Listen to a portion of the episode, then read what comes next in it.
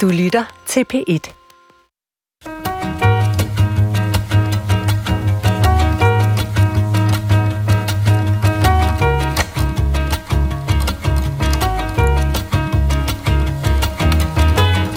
Din super klamme psykopatluder.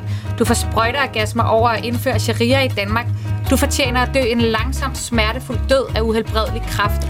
Sociale medier kan være decideret asociale i de personangreb, som for eksempel folketingspolitikeren Rosa Lund her læste op fra sin Instagram-profil. I dag vil vi undersøge, hvordan vi taler til hinanden på nettet, hvorfor vi gør det, og hvad vi kan gøre ved det. For klog på sprog, klog på sprog, hvis man jamen, jeg ellers skulle finde ud af at sige det, er stedet på B1, hvor vi finindstiller elektronmikroskopet på de enkelte ords, øh, skal vi kalde dem atomer og molekyler, for at finde ud af, hvad sprog afslører om, hvordan vi ser på verden. Og jeg har inviteret tre specialister i studiet til, ud fra hver deres vinkel, at se på det sprog, som vi bruger, når vi debatterer på internettet. Og den første er studielektor og øh, ved Institut for Kommunikation og Humanistisk Videnskab ved RUK. Øh, velkommen til dig, Mads Kemsgaard Eberholst. Tak skal du have. Mads, altså jeg går ud fra, at de færreste vil kalde Rosa Lund for en superklam psykopatluder øh, og, og, og udtrykke håbet om, at hun må dø langsomt af, af en kræftsygdom. Øh, hvis de nu løb ind i hende en fas øh, i, hvad ved jeg, et kollektivt transportmiddel eller sådan noget den stil. Hvordan kan det være, så stærke ytringer finder vej til internettet? Altså det, øh, det, det er rigtig svært at give et entydigt svar på, men, øh, men altså noget af det øh, kan i hvert fald skyldes, at øh, vi, vi ikke er face-to-face, selvom man kan sige, at det er på ingen måde hele forklaringen, det er der ingen tvivl om. Det næste kan skyldes, at, at politikere sådan helt generelt er, er, er mennesker, som udtrykker holdninger, og øh, en af de ting, der kendetegner sociale medier, det er, at de er rigtig gode til at formidle holdninger, og, og det er også der, hvor vi andre, altså borgerne, kan komme af med dem. Ikke? Og så kan man sige, at den, den sidste ting, det er, at, øh, at, at vi har den her type samtale, altså at vi, vi skaber en synlighed omkring, at der er nogle grænser, der bliver overtrådt i Rosalunds tilfælde her. Mm. Øh, altså, det, det, den synlighed har man jo ikke normalt. Så skal jeg have været i bussen og have overvejet et optrin. Og det er jo sjældent. Så, så det, det er ligesom om, at de filtrerer en masse, en masse ytringer, som vi lige pludselig bliver konfronteret med, fordi vi øh, altså simpelthen kan være til stede i mange forskellige øh, diskussioner og debatfora, som vi ikke tidligere har kunnet være til stede i. Akkurat. Altså, derfor ser vi disse ting, fordi vi har ikke ja, siddet i alle busser før. Lige præcis. Og det, altså, der er ny forskning, øh, øh, dansk forskning, der viser, at netop den her synlighed, øh, hvor, hvor vi får indblikket, øh, det, det er måske en af de helt store forklaringer på, hvorfor øh, vi rent faktisk altså, har den samtale, vi har i dag. Ja, okay. Min anden gæst er blandt andet specialkonsulent ved Center for Digital Pædagogik, og så er han tekstskribent ved adskillige medier. Velkommen til dig, Christian Mogensen. Mange tak. Og du er jo med os fra vores studie i Aarhus, hvor du bor. Christian Mogensen, er der bestemte ord, som du i dit arbejde ser optræde i bestemte sammenhænge? Altså, kan, kan ord ligesom være et vandmærke på, øh, fra hvilken position folk kommunikerer? Ja, det kan de godt. Der, der er nogle ord og nogle sekvenser af ordforråd, som vi ser blive skabt i nogle bestemte former på nettet, øh, og så skaber man sig et, et sprog, som man tager med, når man så debatterer på, øh, på Twitter og på Facebook og alle de andre steder. Så man kan næsten tale om en særlig Altså, vi kan jo næsten kalde det en internetdialekt øh, for en bestemt gruppering. Ja, det synes jeg er et fint udtryk. Altså, vi ved, at der, der er nogle begreber, øh, som, som opstår øh, meget små steder og bliver meget koncentreret. Der på et eller andet tidspunkt, så bliver de udvandet, så begynder alle at bruge dem, og så udvaskes de lige så stille. Men det her digitale fingeraftryk, eller digitalt sproglige fingeraftryk, det er dem, vi arbejder med at holde øje med og se, hvad er det nye ord, hvor er vi på vej hen, kan du hvor give nogle, de altså, Christian, øh, kan du give nogle eksempler på sådan helt konkrete ord, som, som du mener øh, karakteriserer, altså siger mere om afsenderen end om modtageren, om man så må sige, eller om emnet? For eksempel, hvis, øh, hvis jeg må trække os et par år tilbage, til sidst, vi havde øh, valg til Folketinget, hvor blandt andet Rasmus Paludan prøvede at komme ind og få en taburet, og han stod øh, i et DR-studie og blev smidt ud, fordi han er Rasmus Paludan, øh, og han bagefter laver en Facebook-opdatering, hvor han skriver, at de pokkers sojadrenge og beta-hanner øh, havde ikke noget på ham, og det ene og det andet, han skulle komme efter dem der var vi en hel håndfuld kolleger, som nærmest i samme sekund skrev til hinanden, fordi det her udtryk med sojadrengen er noget, vi kender fra manosfærebevægelsen, noget, vi kender fra incel-miljøerne. Vores mænd, der spiser soja, er mindre maskuline, er mindre mandemænd end Undskyld, de andre du, rigtige du, du sagde lige ordet incel-miljøerne. Ja. Fortæl mig lige, hvad incel-miljøet er.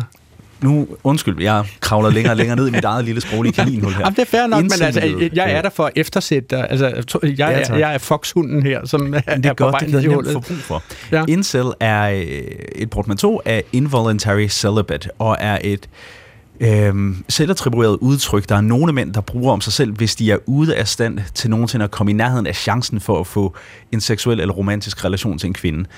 Det er typisk noget, mænd bruger til så at kigge ind af, og så sige, jamen så må jeg gå i fitness, eller så skal jeg kigge lidt på, hvad, hvad jeg møder andre mennesker med.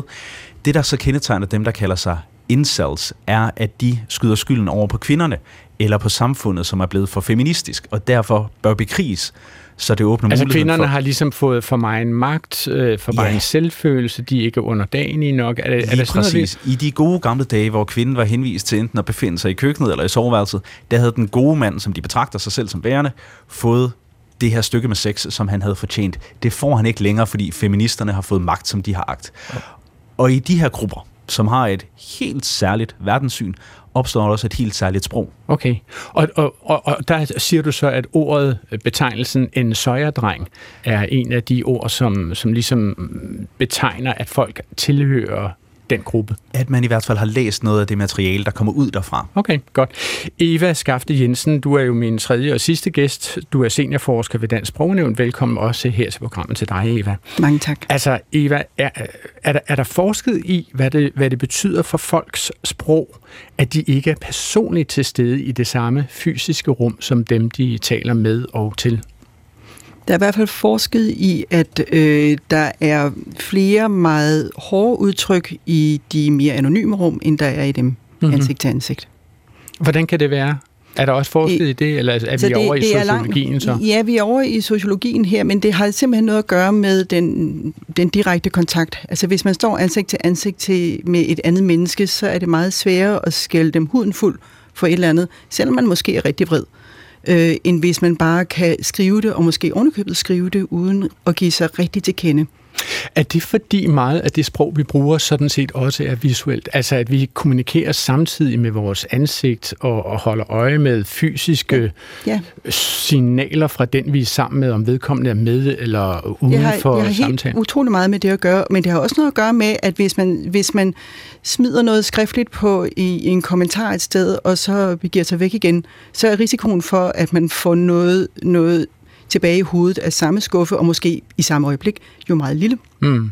Så man skal ikke nødvendigvis på samme måde stå til ansvar for det, man skriver. Og i hvert fald ikke Øh, lige med det samme. Nej, nej, det kan godt være, at der kommer nogen senere, som skriver noget lige så hårdt tilbage, men, men, men man, skal ikke, man skal ikke stå til...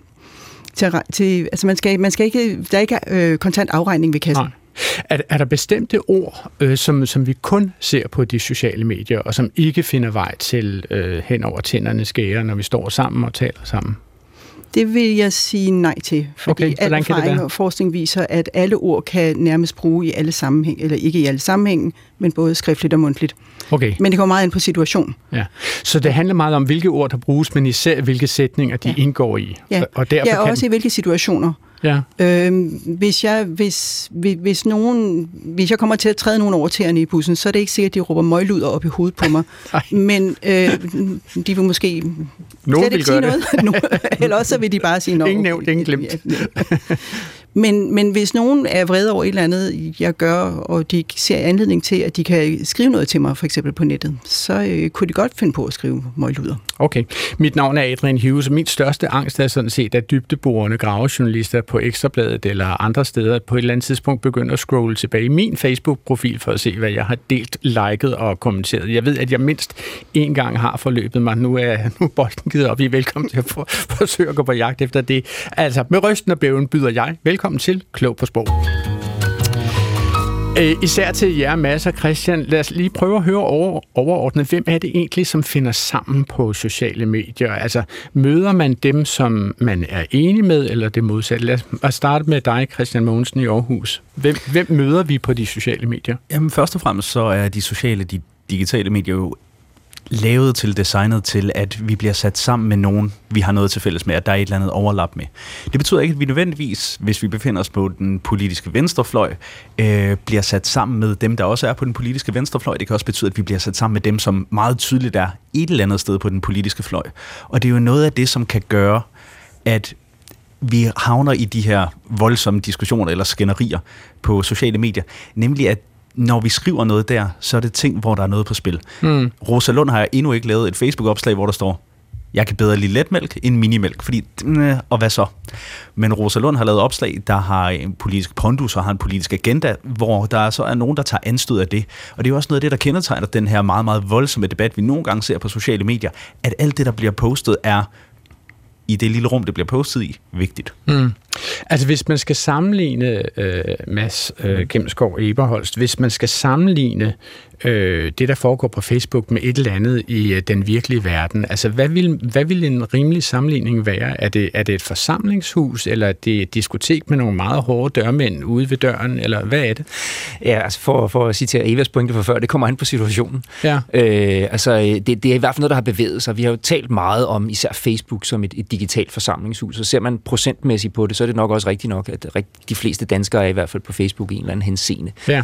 Øh, men, men det er jo ikke alle, der deltager. Altså nærmere tværtimod, så kan man sige, at det er, det er langt de fleste deltager ikke i debatter, og det, det, det er sådan set ikke nyt. Det har, det har også været før sociale medier, der har man ligesom kunnet måle. Det er de færreste, der egentlig bryder sig om at debattere. Ja. Og det er ikke blevet bedre med sociale medier, men det er til gengæld normen om, at, at, at jo flere, der deltager, jo bedre er det nok, og det, mm. det er ikke nødvendigvis sikkert, det er sådan. Er, er der en automatik i de sociale medier, som gør, at man automatisk får flere og flere øh, signaler fra medierne, fra folk, man er enig med? Ved du det, Christian? Det er der ikke nødvendigvis. Man bliver typisk, altså det er svært at få lov til at kigge øh, med i Facebook eller Twitters maskinrum. Øh, det er de færreste for ondt.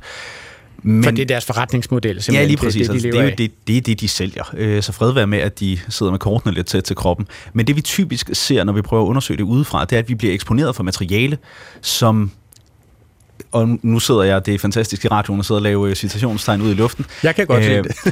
men som algoritmen regner med, at vi reagerer på. Øh, og det er jo meget, altså for en håndfuld år siden, der ændrede Facebook øh, deres interface til, at vi ikke længere bare kunne sende sådan en opadgående tommelfinger til hinanden og sige, kæft, var det godt, men at vi også kunne sende vrede emojis, eller sure emojis, eller triste emojis. Og det betyder også, at vi ved, at de spekulerer i, at vi skal reagere så meget som muligt, og vi reagerer typisk mere på ting, vi er uenige i, end ting, vi allerede er enige i. Nå, okay, så, så der, der er faktisk en lille, øh, en lille overvægt af, af aktivitet på Facebook, som gør, at man sådan, at, at det bliver løftet højere, det man er uenig i. Altså det, som er engagerende. Hvad siger du til det, Mads? Ja, det er i hvert fald det, det, som der bliver... Altså, vi har en tendens til at reagere på ting, som vi ikke er enige i, fordi det, det, det, det vil vi jo gerne som mennesker sige, det vi ikke er enige i. Og det, det næste er så, at det fanger algoritmen, og så bliver det eksponeret for rigtig mange. Hmm. Og det er så der, hvor jeg i virkeligheden også talte om synlighed før. Ikke? Hmm. Øh, fordi det er måske i virkeligheden der, vi skal sådan kigge lidt hen, det er, jamen altså de her ganske øh, banale ting, vi nogle gange bliver eksponeret for, som vi kan være tordende uenige i, de bliver jo eksponeret eksponeret for, altså for, for, for basically alle, der måtte være på Facebook, mm. som kan blive uenige. Ikke? Okay. Eva Skaft Jensen, lad os prøve at få, få styr på nogle definitioner her i, i begyndelsen af programmet. Altså, øh, kan, kan man sige kort, hvad er hadtale? Der er i hvert fald nogen, der har forsøgt, og jeg har taget et lille citat med fra øh, Institut for Menneskerettigheders rapport om hadefulde ytringer i, det offentlige, i den offentlige debat. Og det er Ja, der, det er, der er mange ord. Nu skal I høre. Stigmatiserende, nedsættende, krænkende, chikanerende og truende ytringer, der fremsættes offentligt mod et individ eller en gruppe baseret på individets eller gruppens køn, etnicitet, religion, handicap, seksuelle orientering, alder, politiske observans eller sociale status. Og den er, der selvfølgelig der, der, der er selvfølgelig meget med, men det er et forsøg på ikke at lave en, en for snæver definition. Ja. Og der er jo nogle fællestræk ved det her. Det er, øh, det er klart noget, der handler om stereotypi. Altså at man, man, laver, man laver nogle når man laver hadtale, så, øh, så går man efter nogle bestemte stereotype forestillinger. Og de kan jo netop være baseret på politisk observans eller køn eller seksuel orientering. Altså det er generaliseringer sådan set. Man siger, at fordi ja, Bent Børge har malet sig selv blå ja. ved en maleulykke ja. i weekenden, så er alle i Bent Børges familie blå. Simpelthen. Og det samme, altså, og det der så er... Det er et tænkt eksempel, Mads. ja. Og lidt stereotyp. Meget stereotyp. Ja, for hvorfor var det en mand, som malede i weekenden? Ja. Det kunne jo også have været hans hustru. Ja, det kunne det jo have været. Så er der det særlige ved hadtale, at det som regel også ofte er henvendt til ikke bare øh, hvad skal man sige, den direkte modtager, men til en gruppe, som man regner med at lytter med.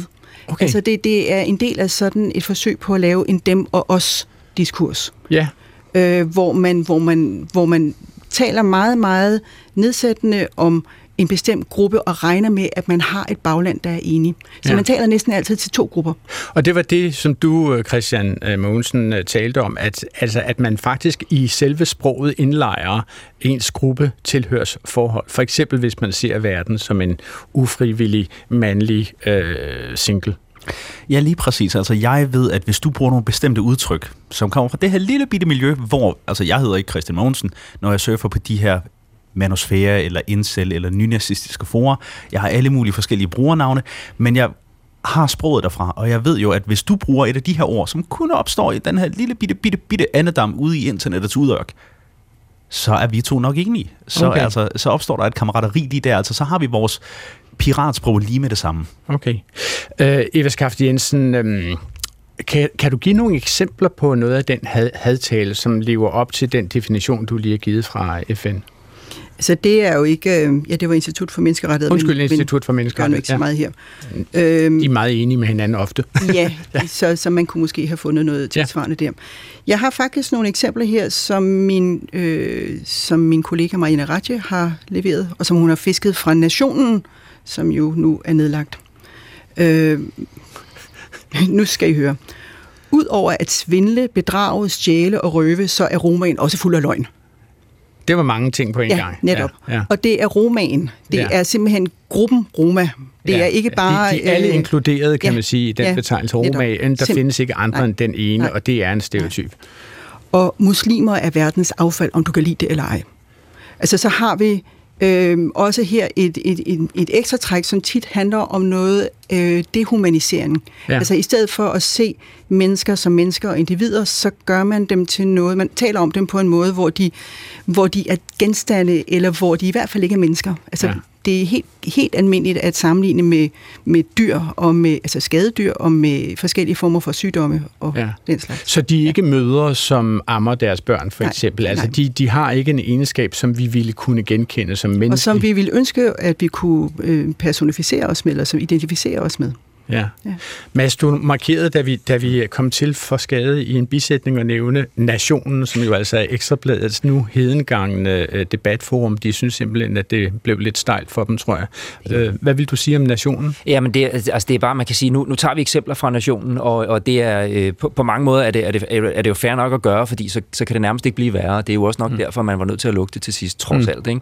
Altså, jeg skal hilse at sige, at det er simpelthen... Jeg har jo talt med Marianne Ratche fra Dansk Sprognævn. Hun er jo simpelthen ked af, at de lukkede Det kan jeg godt forstå. øh, Nationen, for ja. hun synes jo simpelthen, det var et fantastisk vandhul Ja. ja. at gå ned og døbe øsen i, hvis man skal kigge på det virkeligt altså kompliceret øh, hadske sprog i, i Danmark. Ikke? Altså det, hun sammenligner det lidt med, altså, at man er kommet til at hælde noget antiseptisk ned i et ret interessant øh, petriskåls eksperiment med bakterier, så er man kommet til at slå alle bakterierne ihjel. Og det er jo synd ja. For sådan nogen som Marianne, at, at, at hendes, hendes forskningsobjekt på den måde er ødelagt. Hvad ja. Tænker du om det? Skulle man have lukket nationen, eller hvad?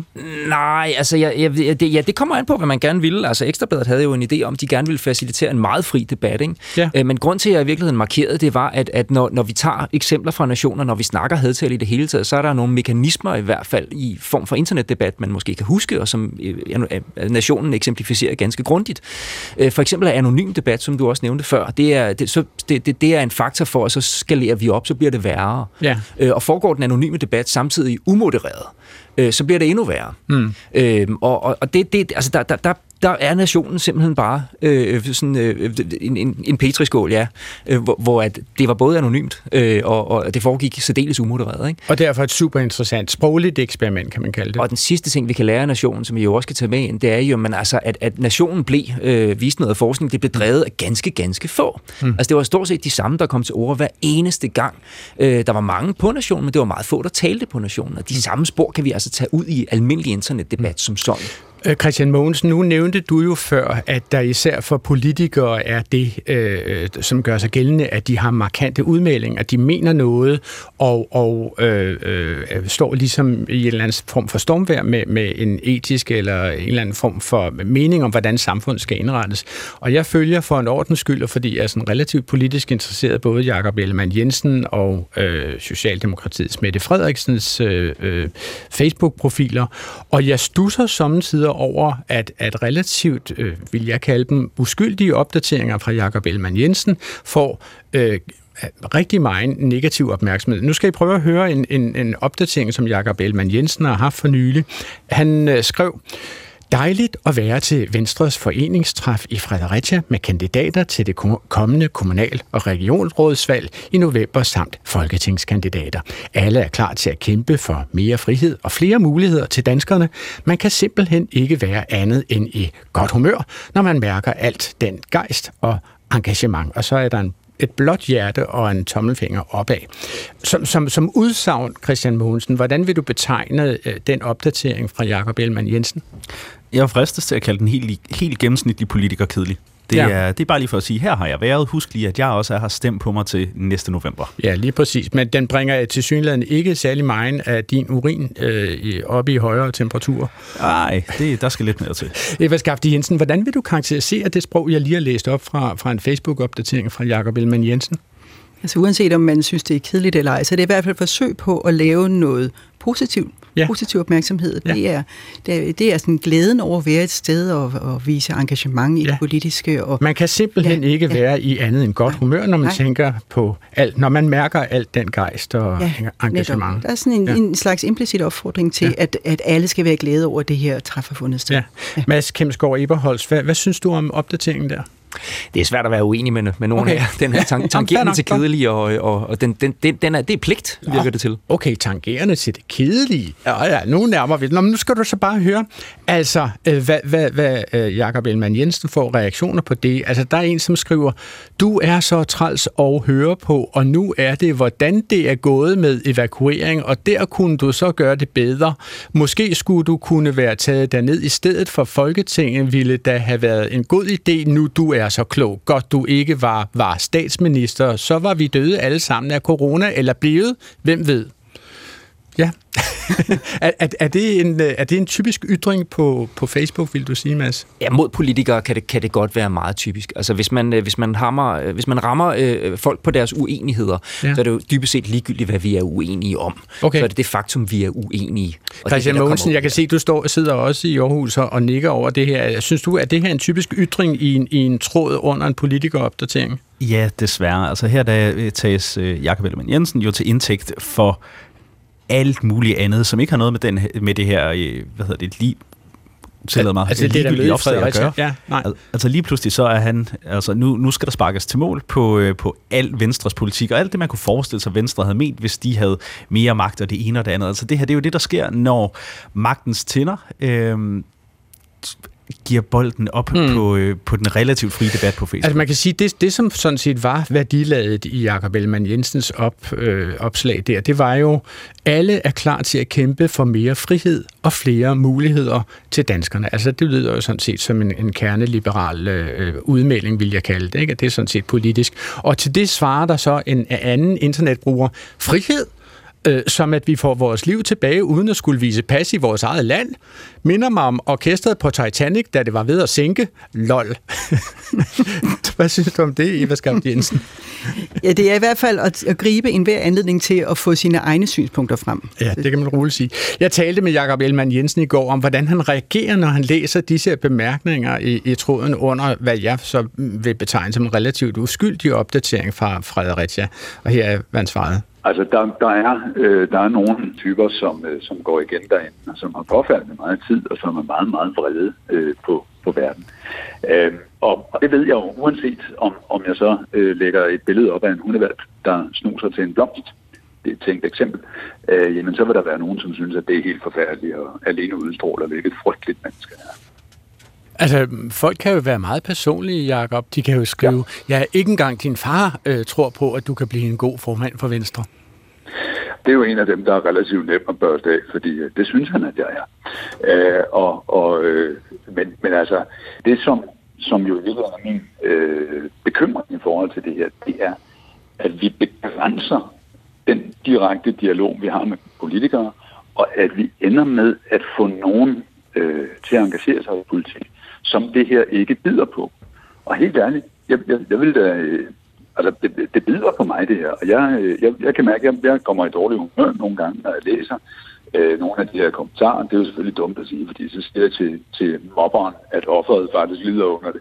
Men, men udfordringen er jo, hvis vi har nogle mennesker, der engagerer sig i politik, som siger, at jeg er sådan set ligeglad mere end folk, det synes jeg er en idiot, så synes jeg ikke, at vi har dem til at repræsentere os som vi fortjener, og som vi har brug for. Altså, der vil jeg egentlig spørge, øh, Jakob Elman Jensen er jo sådan set allerede herude i en strategi, og nu kan man så spørge, om den virker. Altså, han siger jo faktisk her i radioen, at mobberne har effekt. De påvirker faktisk mobbeofferet. Hvad mener du om det, Mads? Jamen altså, det, ud fra et demokratisk synspunkt, så, så er det jo et problem, hvis uh, mobbeoffre øh, kan mobbe vores politikere til at mene noget andet. Hmm. Øh, det, det, det er helt evident. Øh, I hvor højt omfang det så faktisk sker, det kan jeg nu godt have min tvivl om. Man kan godt blive ked af det, det er noget helt hmm. andet, men, men om Jakob ændrer demokratiske meninger, det tvivler jeg hmm. stærkt på. Hvad mener du om det her, Christian Mogensen? Jamen altså, selvfølgelig er det et demokratisk problem, og det er et helt centralt problem for os at løse, hvis vi gerne vil have det her repræsentative demokrati, vi har talt om så længe. Altså, du nævnte selv rapporten fra Institut for Menneskerettigheder tidligere. Jeg gør måske vold på tallene. Jeg mener, at de finder, at øh, 22 procent af de 18-29-årige øh, unge kvinder øh, afholder sig fra at deltage i debatten på digitale medier, fordi de forventer hadetale og trusler øh, som respons derpå. Altså meget af det, vi ser lige nu, og den definition af øh, mulige ofre for hadetale, øh, som Eva læste op tidligere, vi ser jo hele vejen igennem, altså når der bliver gået på køn, det sker også for mænd. Vi ved, statistisk set, så sker det primært rettet mod kvinder. Derudover etniske øh, minoriteter, seksuelle minoriteter og alle mulige andre. Altså hvis vi lader det her stå for troende, og når vi ser de tal og den effekt, som Institut for Menneskerettigheder finder, så ender vi med at lade kommentarsporene altså dybest set hvidvaske vores demokrati, så det er en masse gennemsnitlige, cis, straight, helt almindelige hvide fyre, der sidder og beslutter tingene, og så har vi ikke et repræsentativt demokrati. Mm. Så der er simpelthen nogle mennesker, som bliver udgrænset fra, fra Facebook-forer. Hvad tænker du om det her, Eva Skaft Jensen? Jeg er, meget, jeg er faktisk meget enig i den bekymring. Noget af det, som man også siger karakteristisk for hadtale, det er, at det også er et forsøg på magt gennem intimidering. Ja. Og det må man jo sige øh, virker i hvert fald i en del tilfælde. Og jeg synes faktisk, det er bekymrende, at der er folk, der afholder sig fra den offentlige og politiske debat, fordi de simpelthen ikke orker det. Eller ikke Mads? Ja. Jeg er måske ikke helt så bekymret, øh, og, og det, det har meget at gøre med, at vi jo har øh, øh, rigtig, rigtig mange kanaler, øh, hvor vi kan komme i kontakt med vores politikere, og vi har et sindssygt stærkt public service system her i Danmark. Øh, så, så, sådan så du mener, at der er noget, der opvejer det faktisk, ja, den misinformation, ja, det, der kommer det, ud af det? Det, det? det synes jeg, og så synes jeg, der er det der med, at, at det, altså det er, øh, repræsentativ demokrati er jo netop kendetegnet ved, at det er de rigtige mennesker, vi hører på. Ikke nødvendigvis, at vi hører alles mening altid. Okay. Altså nu nævnte Christian øh, Mogensen lige før det her med, at, at især kvinder bliver øh, angrebet ret hårdt på nettet, og det faktisk får nogle af dem til at holde sig væk fra nettet og ikke blande sig i debatten. Vi har talt med, øh, vi kunne have talt med rigtig mange kvindelige politikere om det her, og vi har så ud af de rigtig mange forskellige, vi kunne have valgt at tale med, har vi så valgt at tale med Rosa Lund, øh, og det var jo fra hendes Instagram-profil, at øh, citatet i begyndelsen af udsendelsen stammede. Vores producer, Line Fabricius, ringede til Rosa Lund i går. Jeg har jo oplevet et skifte i min, på min Facebook-profil, efter jeg blev udlændingeordfører. Fra 11 til 15, da jeg oprettede min Facebook-side, der var jeg børne- og undervisningsordfører. Og så havde jeg nogle år ude af Folketinget, og da jeg så kom tilbage, så blev jeg ret- og udlændingeordfører. Og det kan selvfølgelig både have noget med tiden at gøre, men min tanke er faktisk, at det har noget med emnerne at gøre. Altså det er simpelthen ret- og udlændingepolitik, som som virkelig, øh, virkelig tænder ild under, under det her hadtale. Og det er faktisk nærmest lige meget, hvad jeg skriver om. Også når jeg ikke skriver om udlændingepolitik, så kommenterer folk noget udlændingepolitisk i kommentarsporet. Jeg oplever for eksempel at få denne her slags beskeder. Det ligger der tydeligvis meget på sinden at få voldtægtsparagrafen ændret, således at uskyldige mænd bliver dømt. Man kan kun glæde sig over, at du er dødssyg, så du sikkert snart forsvinder fra dansk politik. Du vil ikke blive savnet. Når du får sådan nogle beskeder, hvordan påvirker det så dig? Øhm, jeg bliver jo påvirket af de her beskeder øhm, rigtig meget. Især i starten blev jeg meget påvirket af det. Jeg blev rigtig ked af det. Øh, jeg blev rigtig øhm, bange, altså skræmt, at det her er nogle trusler, der er nogen, der vil gøre alvor ud af. Nu, øh, nu øver jeg mig i at, at slå dem hen, altså at, at lade det ligge og prøve at, at, at ryste af mig, men der er selvfølgelig dem, der går meget konkret på min person, eller meget konkret på min familie. De er jo svære at få ud af systemet.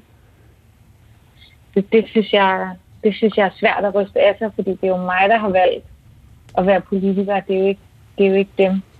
Øhm, så jeg synes, dem, der går meget på min person, er svære at ryste af sig, men, men ellers så prøver jeg faktisk bare at, ikke at læse dem, egentlig. Det er faktisk en af grundene til, der er mange grunde til, at jeg har fået moderation på min Facebook, men en af dem er, at jeg får så mange trusler.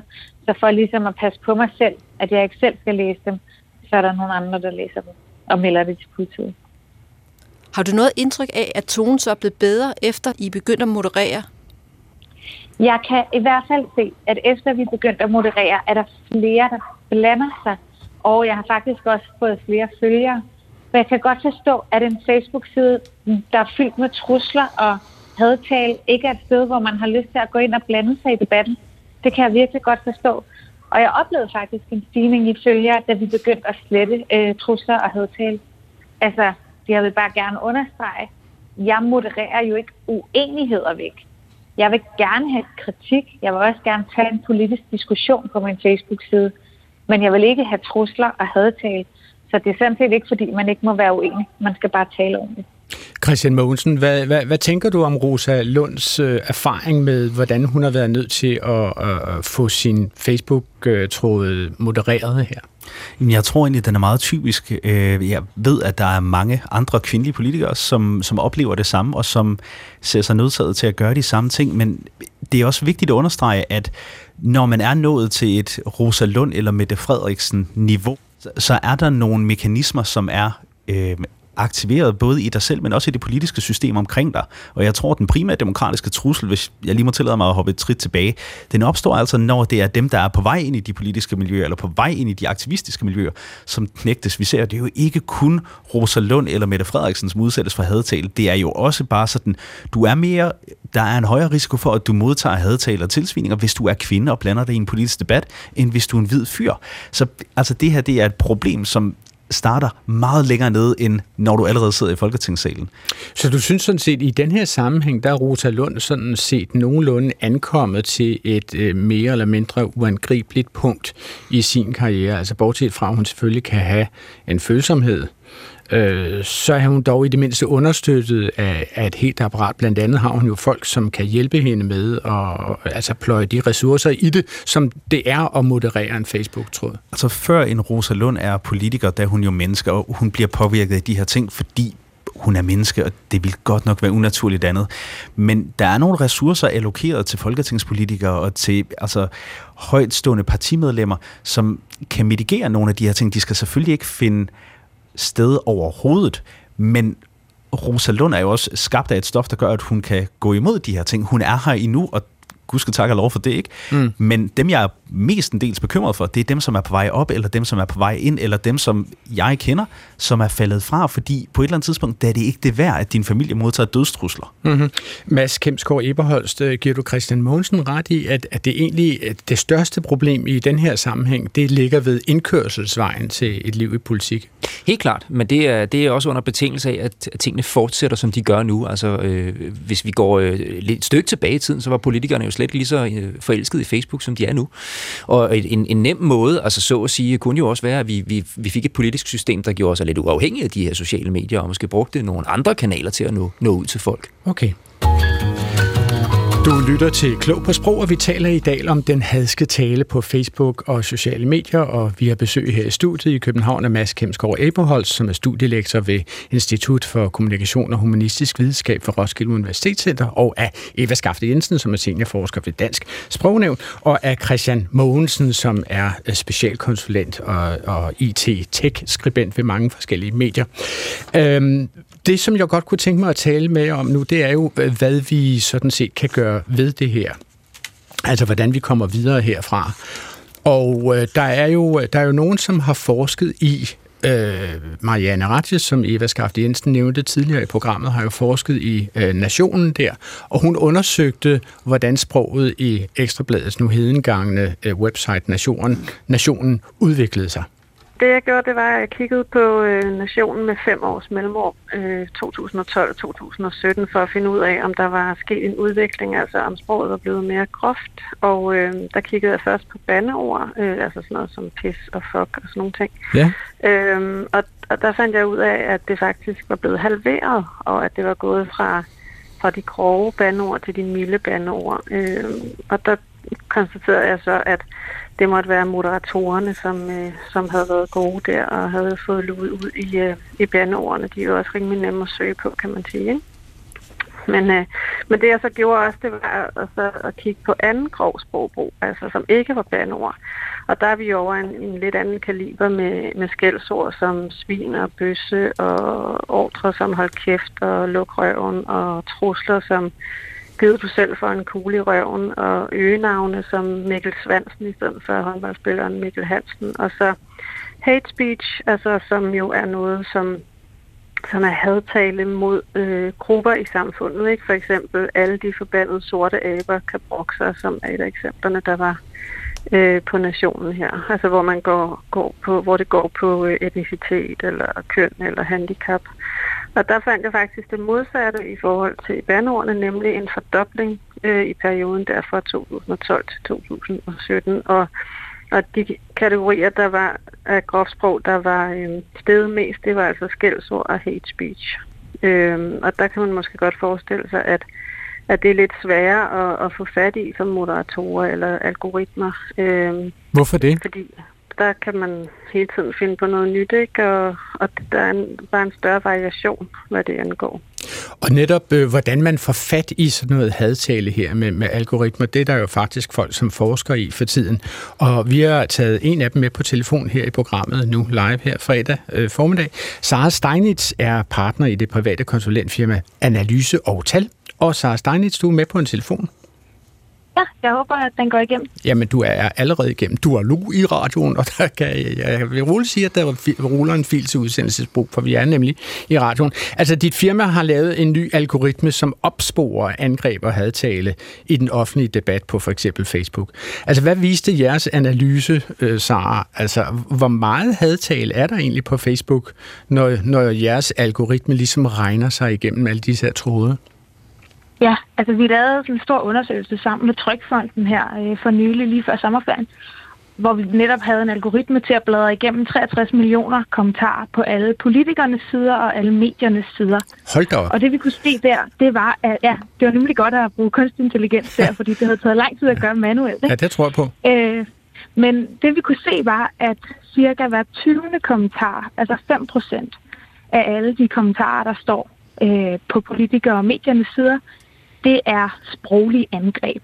Øh, og, og hadtale. Eller sådan. Kom, kom det bag på jer, at, øh, at det sådan set i anførselstegn kun var 5 procent? Altså, øh, havde, var der nogen, der havde en forestilling om, at det var mere? Ja, altså det, vi har jo hørt meget de seneste år om tonen på sociale medier, og netop flere politikere, der har været fremme og sige øh, noget om, hvor hårdt det er, og så tænker man, 5 procent? Ah, Okay. Er, det, er det meget eller lidt? Det lyder måske ikke så meget, men når man så tænker nærmere over det, hvis vi har en samtale, hvor hver 20. kommentar er noget med din bøsserøv eller jødesvin og luder og derude, altså det, alligevel, det vil man opleve temmelig hårdt. Så faktisk synes jeg, det her med 5% og hver 20. kommentar er forholdsvis hårdt. Altså man kan sige, måske hvis man sidder og scroller igennem sådan et, et kommentarfelt der, så lægger man mere, mere mærke til de virkelig ekstreme ytringer, end man lægger mærke til bare sådan tommelfingeren op, og det, det er så fint, og, og det kører for dig, og jeg under dig alt din succes og sådan noget. Altså det er vel de ja, hårde kommentarer, også... man husker? Ja, jeg tror både, der er et psykologisk element i, at det er de hårde kommentarer, man husker, og så var I jo også lidt inde på det her med Facebooks algoritmer før, at de, de hårde kommentarer er jo også noget af det, som giver stor aktivitet. Øh, og det betyder, at når der er en kommentar, der får stor aktivitet, så popper den tit meget højt op i kommentarfeltet, så mange ser den. Så det er Så simpelthen aktiviteten, igennem- det er den fysiske aktivitet, øh, interaktionen med Facebook, om man liker eller øh, videre sender, deler og kommenterer. Det er det, som Mm. gør, om noget kommer op i feedet. Ja, Kan jeres algoritmer også identificere så de, de venlige, øh, øh, de, de, de anerkendende tilkendegivelser? Altså, kan de også... Det er faktisk øh, det, er det, vi sidder, det er det, jeg sidder med nu. Mm-hmm. Vi har også bygget en anerkendelsesalgoritme, som vi øh, håber at, at udgive noget om her om en måneds tid. Mm-hmm. Øh, og det er jo en helt anden verden at kigge ind i. Altså. Mm. Og i virkeligheden fylder anerkendelsen meget mere end angrebene og hadtalen. Må Men jeg- jeg tror nemlig, som du siger, at man husker, er der en, der har sagt noget virkelig hårdt, så er det den kommentar, man husker, når man lægger sig til at sove om aftenen. Men Sara Steinitz, kan man identificere de mennesker, som kommer med de hadske ytringer? Altså, kan man simpelthen slå ned på dem som en spurvehø øh, og sige, det er dig her i udkanten af Valby? Øh, vi har ikke samlet oplysninger om, hvem der skriver. Øh, det er sådan øh, GDPR-wise, så har vi ikke taget, taget de oplysninger med. Men øh, jeg vil sige, når man kigger på sproget i, hvad der bliver skrevet, så er der mange af kommentarerne, som er skrevet af, af folk, der ikke er unge i hvert fald. Eller det, jeg kender ikke mange 18-årige, der skriver feltmadras og skøge, og, altså, hvor, man, hvor, hvor sproget ligesom afslører, det her kan ikke, det er, det er folk, der er lidt oppe i årene. Må, må jeg spørge jer, masser og Christian, er, er det også noget, I har registreret, at selve sproget også øh, afslører afsenderens alder? Hvad siger du til det, Christian? Jamen klart, altså øh, som Sara hun også siger, der er nogle skældsord, som bare er generationelle. Øh, og, og et sprog og et brug af gifs og et sprog af udråbstegn og den slags, som, som afslører rigtig meget Altså for mange udopstegn, eller Ja, bare for eksempel, eller for, udopstegn? få, for få, eller gammeldags kommentering og sådan noget. Og når vi kigger på de ting, og jeg tror, det, er, det er også en undersøgelse, som Sara har været med til at lave, hvor man så, at øh, langt det meste af hadtalen er rettet imod øh, indvandrere øh, og indvandrerdebatten. Øh, dernæst er det køn, og jeg tror på tredjepladsen, Sara ret mig, hvis jeg tager fejl, der var det øh, seksuelle minoritet, eller også så var det mennesker med handicap. Handicap. Handicap. Handicap. Ja, og, og altså, hvis vi bare kigger på det, så må vi jo gå ud fra, at dem, der sidder og sviner de her tre grupperinger til, det må være deres modsætning. Så det er, det er ikke nogen, der, øh, der er ret meget andet end hvide i huden. Hvis de sviner kvinder til, jamen, så er det nok også mænd. Øh, så altså, det, statistisk set, så er det den hvide mand, og altså, Sara, nu tolker jeg på jeres tal, men også på andre undersøgelser. Det er hvide mænd, som er sådan, lige, lige har rundet der plus 30, måske lidt længere opad, som sidder og gør de her tilsvininger, den her hadtale. Altså, Sara, må jeg spørge dig, øh, altså, hvordan fungerer den der algoritme egentlig? Altså, øh, hvad, hvad tager den fat i uh, i selve sproget? Vi har øh, trænet den ved at vise den 70.000 kommentarer okay. øh, og fortælle dem, at det her sproglige angreb, er det hadtal eller er det ikke. Øh, og der har vi så øh, haft sådan en lang kodemanual, ikke, hvor vi har sagt netop, øh, som det, det ligner den definition, som Institut for Menneskerettigheder og Europarådet og Facebook og mange andre også opererer med. Men det her med, hvis man siger noget, der er stigmatiserende, nedsættende, krænkende, ekskluderende eller troende for eksempel, øh, som vi var inde på før, hvis man sammenligner folk med dyr, øh, aber, rotter, svin, eller ønsker om folk, at de skal dø og skubbes i havnen eller tage deres eget liv. Ikke? Så har vi sådan en lang øh, liste af, af, af øh, angreb, Men, som vi men, kalder det, men Sara, nu, nu, forklarede, nu forklarede Eva Skafte Jensen jo her i starten af programmet, at, at alle, et hvert ord kan være sådan set neutralt, alt efter i hvilken sammenhæng det indgår i. Det handler udelukkende Mm. om sammenhængen og, og også, hvor det så optræder. Kan man virkelig ja. lære en algoritme det? Altså, øh, Ja, altså, abe, ja, men vi- abe betyder jo ikke noget negativt, hver gang man bruger ordet abe. Nej, nej, øh, og vi har jo også, altså Pia Kjærsgaard går også i zoologisk have og snakker om aber nogle gange, og så er det i en anden kontekst, øh, Ja. ja. end når aber bliver brugt nedsættende om muslimer, som vi også ser. Øh, men vi har netop trænet algoritmen til at have kontekst inden for den sætning, den kigger på med. Så det er ikke kun baseret på enkelte ord, men det er på, hvordan ordet indgår i den sætning, der er skrevet. Så I har simpelthen holdt cirka 70.000 ytringer op foran algoritmen og, og, og bedt den om at sidde stille og kigge nøje på dem, og så har I sendt ja. den ud og støve igennem 60 millioner, over 60 millioner øh, forskellige kommentarer på Facebook. Ja. Det er et Lige vildt, præcis. Vildt stykke Lige arbejde. præcis. Og det er, det er også derfor, den er blevet så god, som den er. Altså, det er, fordi den har fået så mange kommentarer at øve sig på. Men altså, Øh, så er jeg den er, den er, Men Sara, så er jeg jo simpelthen nødt til at spørge, altså øh, det, det lyder jo som om, at, at, at Facebook øh, bur, uden ugrundet ophold, ophold burde spurte hen til jer og, og få den algoritme på, en, øh, på et lille USB-stik, og så plotte ind i deres egne kæmpemæssige server, og så er øh, sådan set øh, alle problemer løst. Øh, kommer det også til at ske? Altså, vi, vi arbejder jo lige med nu, om vi kan videreudvikle den, så den kan bruges til moderation af for eksempel politikere, øh, medier. Øh, fordi det vil jo være, det vil jo være rigtig fedt. Altså, vi vil gerne vi tænker den som et værktøj, man kan bruge til at finde de hårde kommentarer, så man netop Ja. ikke skal scrolle igennem 63 millioner, men at det stadig er mennesker, der tager beslutningen, om en kommentar skal blive stående eller ej. Ja. Men altså, Facebook har jo altid mulighed for at lave den samme algoritme, for de kan også se på alt det, der bliver slettet. Vi har i virkeligheden kun trænet den på det, der står tilbage. Ja. Øh, så, så, men der er dansk jo måske et lidt lille sprog. Jeg ved ikke, øh, jeg tror Facebook lægger flere kræfter i engelsk og tysk og fransk og nogle af de store sprog, hvor dansk, ja. det er jo, vi er jo en lille baghave. Hvad tænker du om det her, Mads? Altså, kunne man forestille sig, at har Facebook overhovedet en interesse? Nu siger vi Facebook, men jeg taler jo også om det Instagram, som mm. de, så vidt jeg husker, også ejer. Ikke? Mm. Øh, altså, har de overhovedet en interesse i at lure øh, hadtale ud af deres sociale medier? De har i hvert fald en sti, et stigende politisk pres for at gøre det. Ja. Ja. Noget, der er startet her i Europa og, og, og har bevæget sig absolut over mod USA. Og, og med den lovgivning, som, som er, nok er på vej, jamen, så er der ikke nogen tvivl om, at Facebook bliver tvunget til at tage stilling til, at de sådan set er ansvarlige for det indhold, der ligger. Og hvis det så inkluderer hadtale og trusler, jamen, så kan Facebook sådan set blive gjort ansvarlige for det. Så det vil de nok gerne teknologisk gøre noget ved. Og der er algoritmer jo sådan stort set den eneste vej. Og hvad siger du, Christian?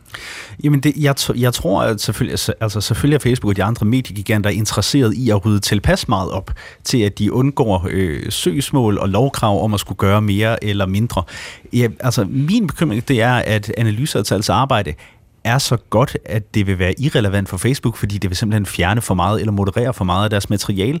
Det, jeg synes har kendetegnet mange af de store medieplatforms oprydningsarbejde, oprydning og opsporingsarbejde i forhold til hadtaler og trusler. Og her taler jeg både Facebook, Instagram, Twitter, TikTok og alle de andre. Det er, at de gør sig sindssygt umage for at gøre det lige nøjagtigt godt nok til, at vi ikke kan komme efter dem, men ikke så godt, så de løser problemet, fordi igen, det er dramaet, der driver værket. Mm. Altså, øh, lad mig spørge dig, Mads. Hvordan ville den digitale, lad os kalde den kampplads, se ud, hvis man var i stand til at støvsuge alle disse Facebook-tråde og andre tråde for de allermest hadske bemærkninger? Altså, hvad ville det betyde for dem, som øh, Christian Mogensen for, for eksempel omtalte som incel-miljøet? Hvor vil, hvor, vi, hvor vil vi kunne møde dem så? Jamen, de vil jo finde, finde andre steder. Altså, Facebook er jo en mastodont, der lever af, at øh, vi har mest mulig trafik igennem, og derfor så det, det er fuldstændig korrekt, det her Christian hiver frem. De balancerer hele tiden på en knivsæg mellem at tjekke flest muligt og undgå at, at få ørerne i maskinen, sådan rent lovgivningsteknisk. Men de har jo nogle lovgivninger, de skal overholde, altså, og de overholder sådan normalt alle de nationale lovgivninger i lande, de opererer i, og det inkluderer blandt andet for eksempel at have mekanismer, der skal fange hadtaler, hvor man kan gøre noget ved det og sådan noget. Ikke? Men de har ingen interesse i at skræmme folk væk, for det er uenigheden, der driver værket. Mm. Øh, altså det, det, det, der måske kunne være kunsten, hvis vi skal kigge fremad, det var tematisk der, vi, vi, vi er nu, ikke? det er, jamen, vi, vi må stille os selv spørgsmålet, vil vi gerne have en teknologisk moderation af vores samtale? Eller vil vi hellere prøve at se, om vi kan finde en eller anden form for lidt bedre norm at tales, ved, øh, Ja. tale med hinanden om? Ikke? Altså, jeg talte også med øh, Jakob Elman Jensen om det her øh, i går, og han- han er sådan set bekymret for, altså, hvad han har, og hvad han i sit bagland, bagland har af teknologiske muligheder for at gøre noget intelligent ved det her. I kan prøve at høre, hvad han siger. Jeg tror egentlig, at, at vi skal være bedre til at, at moderere og til også at smide nogen ud. Og lidt, lidt, ud fra, lidt ud fra, hvordan ville vi gøre, hvis det var i, i den analoge verden? Hvad ville vi egentlig finde os i, i, i forsamlingshuset? Hvornår ville vi skride ind? Og det, der er ærgerligt, er jo, at, at man kan se et opslag få flere tusind likes, øh, og så er der øh, fire mennesker i kommentarfeltet, som, som får det til at, at ligne en skraldespand alligevel. Og en af løsningerne, eller et af elementerne i den, jamen det er jo, at, at sådan nogen som mig også bliver bedre til at rode ud i de her kommentarer, og til at fjerne dem, og til at blokere de mennesker, der skriver dem. Problemet er, de har bedre tid, end jeg har. De er ikke belemret med at jeg skulle passe et arbejde ved siden af, tror jeg. Så, så øh, ja, desværre, så er det jo øh, så, så er det svært sådan lige at, at komme til livs. Der er lidt sjovt over øh, kampen mod, mod, øh, mod vindmøllerne, om, om, om man så må sige, men, øh, men, men vi bliver jo også nødt til det, fordi alternativet er, at vi som politikere ikke i gåseøjne gider at engagere os i den debat, så ved jeg godt, der er nogen, der siger, jamen det må I finde jer i, og I har selv valgt at være politikere. Ja, men det at være politiker, det gør ikke en til et legitimt mål for Astens øh, udfald. Så I kan høre, altså Jakob Ellemann Jensen er jo sådan set grundigt frustreret over det her, og han synes måske også, at han savner de tyk teknologiske værktøjer. Nu spørger jeg helt dumt, altså for eksempel dig, Christian Mogensen, øhm, Altså, jeg troede, internettet fungerede sådan, så at man faktisk øh, lynhurtigt kunne finde ud af, hvem som, som sendte, øh, altså hvem som sad og tastede ved en bestemt computer tilknyttet et bestemt internetadresse. Altså, burde man ikke kunne pege meget hurtigt på, ved du hvad, øh, det er ikke bare øh, den profil, du kommunikerer fra, det er simpelthen dig, vi ikke vil lege med. Kan man ikke det, Christian? I nogen grad jo. Altså, øh, hvis det er Kasper, Jesper eller Jonathan, der sidder på Twitter eller Facebook med deres helt egen personlige profil, øhm, og skriver de her ting, så er det relativt nemt at finde dem. Øh, præg dem enten tekstligt eller telefonisk på skulderen og sige, homie, stille og roligt, slap lige af. Vi ser typisk, at når det bliver de her trusler om mor eller voldtægt stillet til øh, politikere, policymakers eller influenter øh, privat, så bliver det gjort fra anonymiseret eller krypteret det kan være e-mailadresser, det kan være profiler, som er langt væk fra øh, databehandlerlov øh, i Danmark. Så det lader sig ikke gøre ved de aller værste. Det er jo det, som er det problem, som Jacob Ellemann han i nogen grad overser her, at bare fordi vi modererer sproget, betyder det ikke, at vi løser problemet. Hvis vi siger til folk, at de ikke må sige møgluder på internettet, så har vi jo ikke fjernet den frustration, der ligger bag ved ordet. Vi har måske bare flyttet den væk fra Facebook. Mm. Det, jeg ser i mit arbejde, det er, så kan alle dem, der har lyst til at råbe møgluder, så kan de mødes et eller andet sted, møgluderokay.dk, og diskutere de her ting, og øh, plotte eller planlægge eller dele deres frustration, så har vi den udfordring, at de eneste andre, de taler med, de de andre, der har det ligesom dem. Men Christian, mener du i virkeligheden, at, at man sådan set skulle slappe lidt af og, og sørge for, at, at alle disse internettrolde faktisk var med i den offentlige debat, hvor vi alle sammen kan se det? Altså mener du, at det er bedre, at vi læser, hvad de skriver, end at de bliver sådan kuget væk og, og holder sig i små, meget lukkede internet-chatfora? Øh, Dybest set ja, men altså jeg har jo en baggrund i filosofi, så jeg er bedre til at stille spørgsmål end til at svare på dem. okay. øh, men jeg tror ikke på, at vi med teknologiske virkemidler kan løse menneskelige problemer, og vi skal ikke have ondt af, og vi skal ikke inkludere dem, som sidder og truer eller gør hadtale, men vi er som samfund eller som problemløsere nødt til at kigge på, hvorfor opstår det her problem. Hmm. Mads? Jamen altså, og så, så er der et, et aspekt i det, som, som jo er, at øh, det der med at danne en norm øh, og finde ud af, hvordan vi vil have en fælles samtale, det er noget, der kan tage ufattelig lang tid. Hmm. Øh, lovgivning tager ufattelig lang tid. Og teknologi, som vi oplever det lige nu, det tager utrolig kort tid. Hmm. Så Steinis, må jeg lige høre med dig, altså øh, forestiller I jer i analyser og tal, at øh, en, en velfungerende algoritme faktisk kan løse det her problem? Jeg tænker, at den kan løse det problem, som Jacob Ellemann peger på, med at han har simpelthen ikke tid til at bladre igennem alle de her kommentarer. Nej, det er rigtigt. Øh, at hvis algoritmen kunne hjælpe med at finde, jamen det er de her 10, der er de hårde. Ja. Vil du have, at de skal blive stående eller ikke? Øh, så, så, så tror jeg, at den kunne hjælpe rigtig, rigtig meget. Men jeg, synes, men jeg er stadig også på den vogn, der hedder, at lad os have mennesker til at tage beslutningen om, hvorvidt noget skal stå der eller ej. Også fordi der er jo forskel fra politikere til politikere, fra medie til medie, hvor man synes, øh, tonen skal være, hvor, hvad man tillader ikke til. Altså, der var jo faktisk en SoMe-administrator, som for nylig gik viralt over hele landet, fordi han havde en meget håndlavet, vil jeg sige, øh, øh han, han broderede stort set håndarbejde omkring det at svare folk på de sociale medier, og det var ham, som, som arbejdede for, og stadigvæk arbejder, håber jeg, for DSB.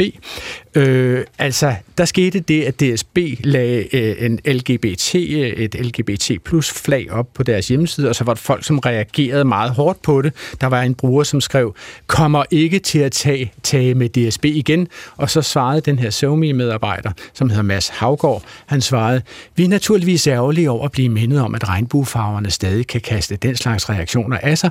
Hvis du gerne vil lægge endnu mere afstand til os, så kan det være, at du også skal skifte til et profilbillede, hvor du ikke sidder i et tog.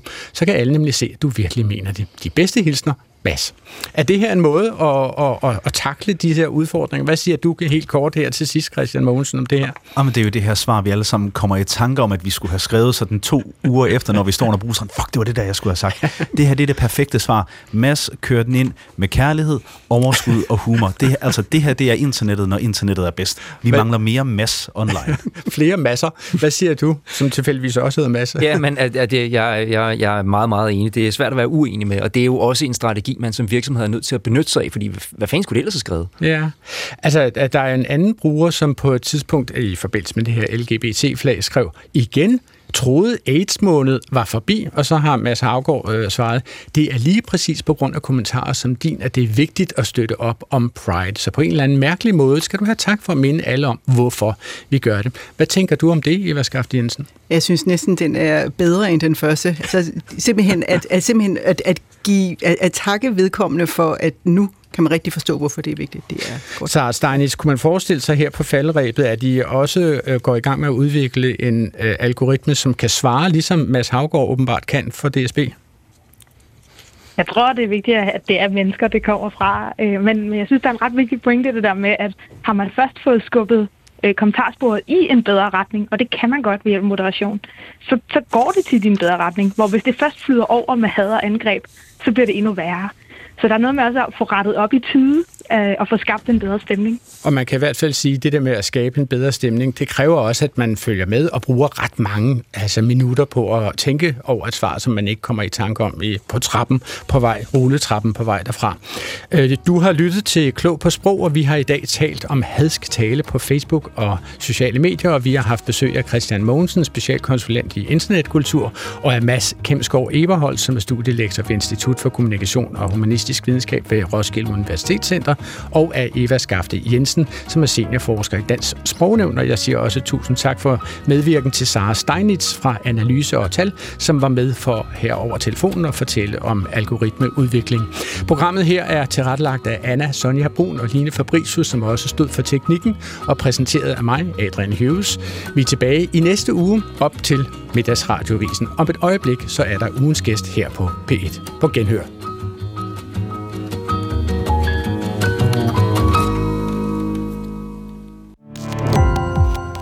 Gå på opdagelse i alle DR's podcast og radioprogrammer. I appen DR Lyd.